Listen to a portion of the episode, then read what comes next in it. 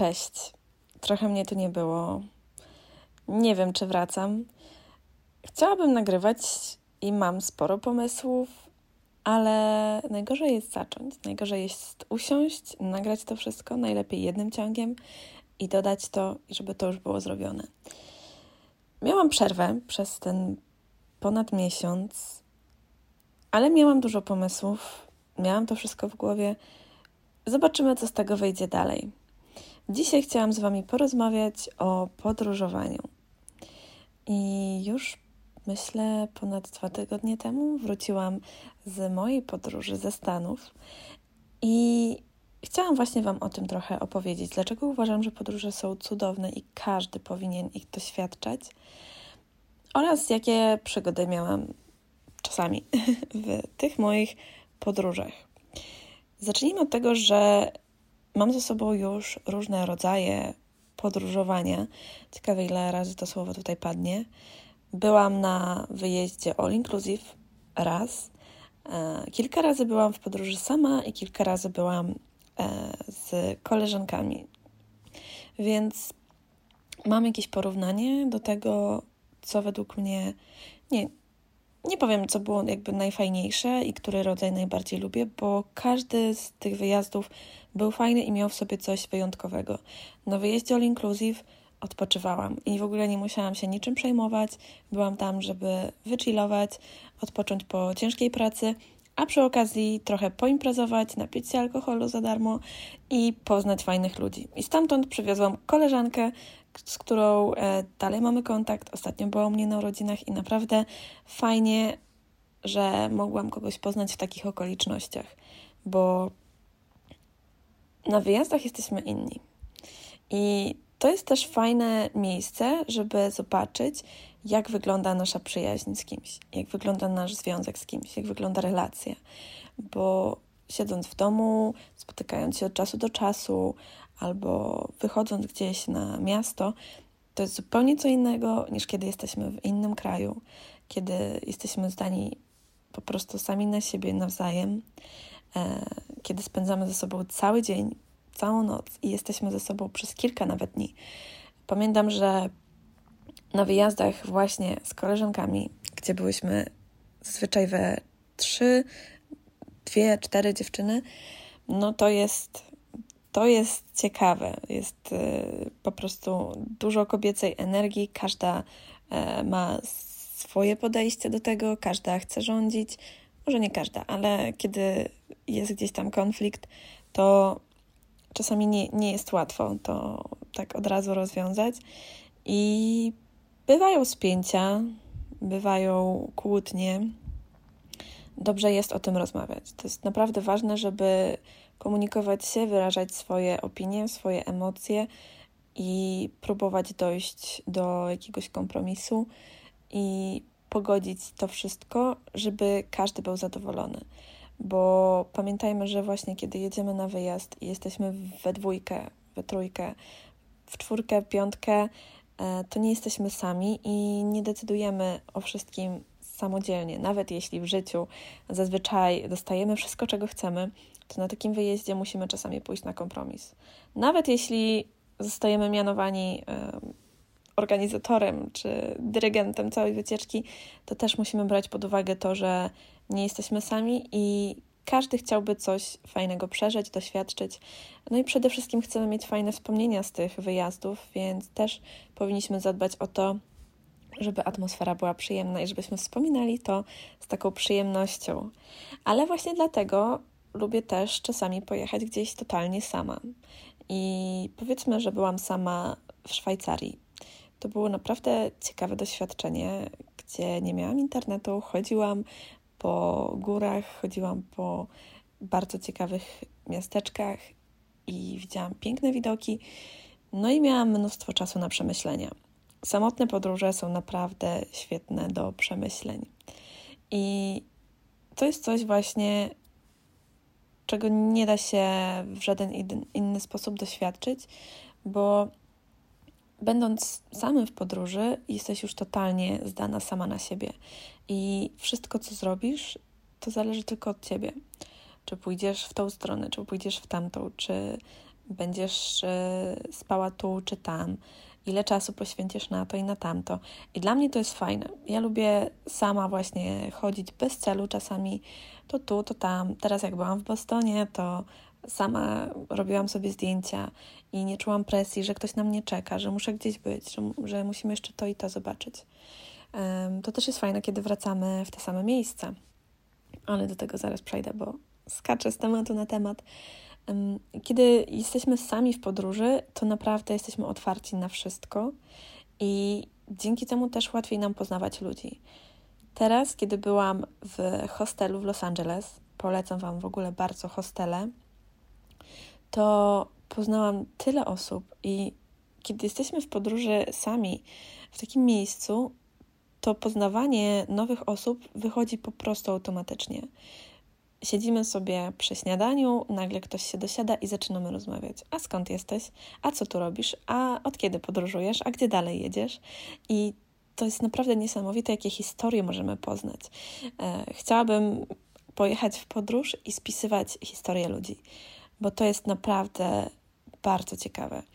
E, w hostelu było bardzo dużo młodych osób e, w wieku 20-30 lat, ale była też pani, która miała 66 lat i przypłynęła, przypłynęła z Europy, konkretniej z Francji, do Nowego Jorku.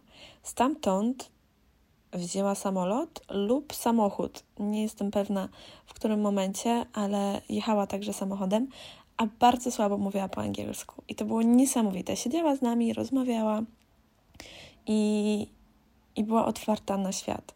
W takim wieku, gdzie bardzo dużo osób starszych po prostu siedzi w domu, nie chce już żadnych takich nowych doświadczeń, a niektórzy właśnie zupełnie inaczej chcą przeżywać, chcą poczuć jeszcze raz tą młodość, spędzić właśnie czas z młodymi. E, ta pani też była totalnie sama. To była samodzielna podróż, więc naprawdę bardzo ją za to podziwiam i i takie historie są właśnie niesamowite.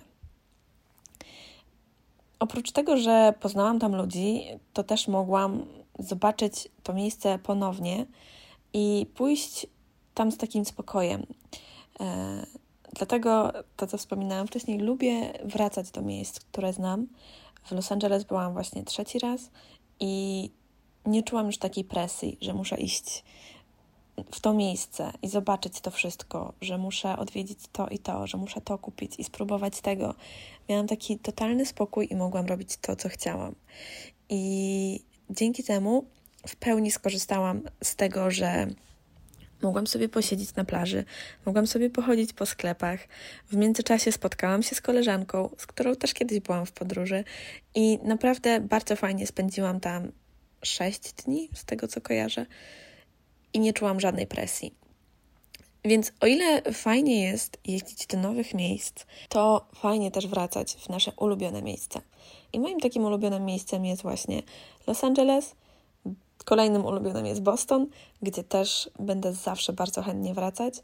I myślę, że chętnie bym wróciła także na Hawaje i tam też totalnie bez, e, bez planu podróżowała po całych wyspach w pewnym momencie, kiedy byłam w Stanach i starałyśmy się sporo podróżować, żeby jak najwięcej zobaczyć, zawsze chciałyśmy właśnie zobaczyć jak najwięcej. I kiedy leciałyśmy na Hawaje z koleżankami, to zrobiłyśmy plan dokładnie godzina po godzinie.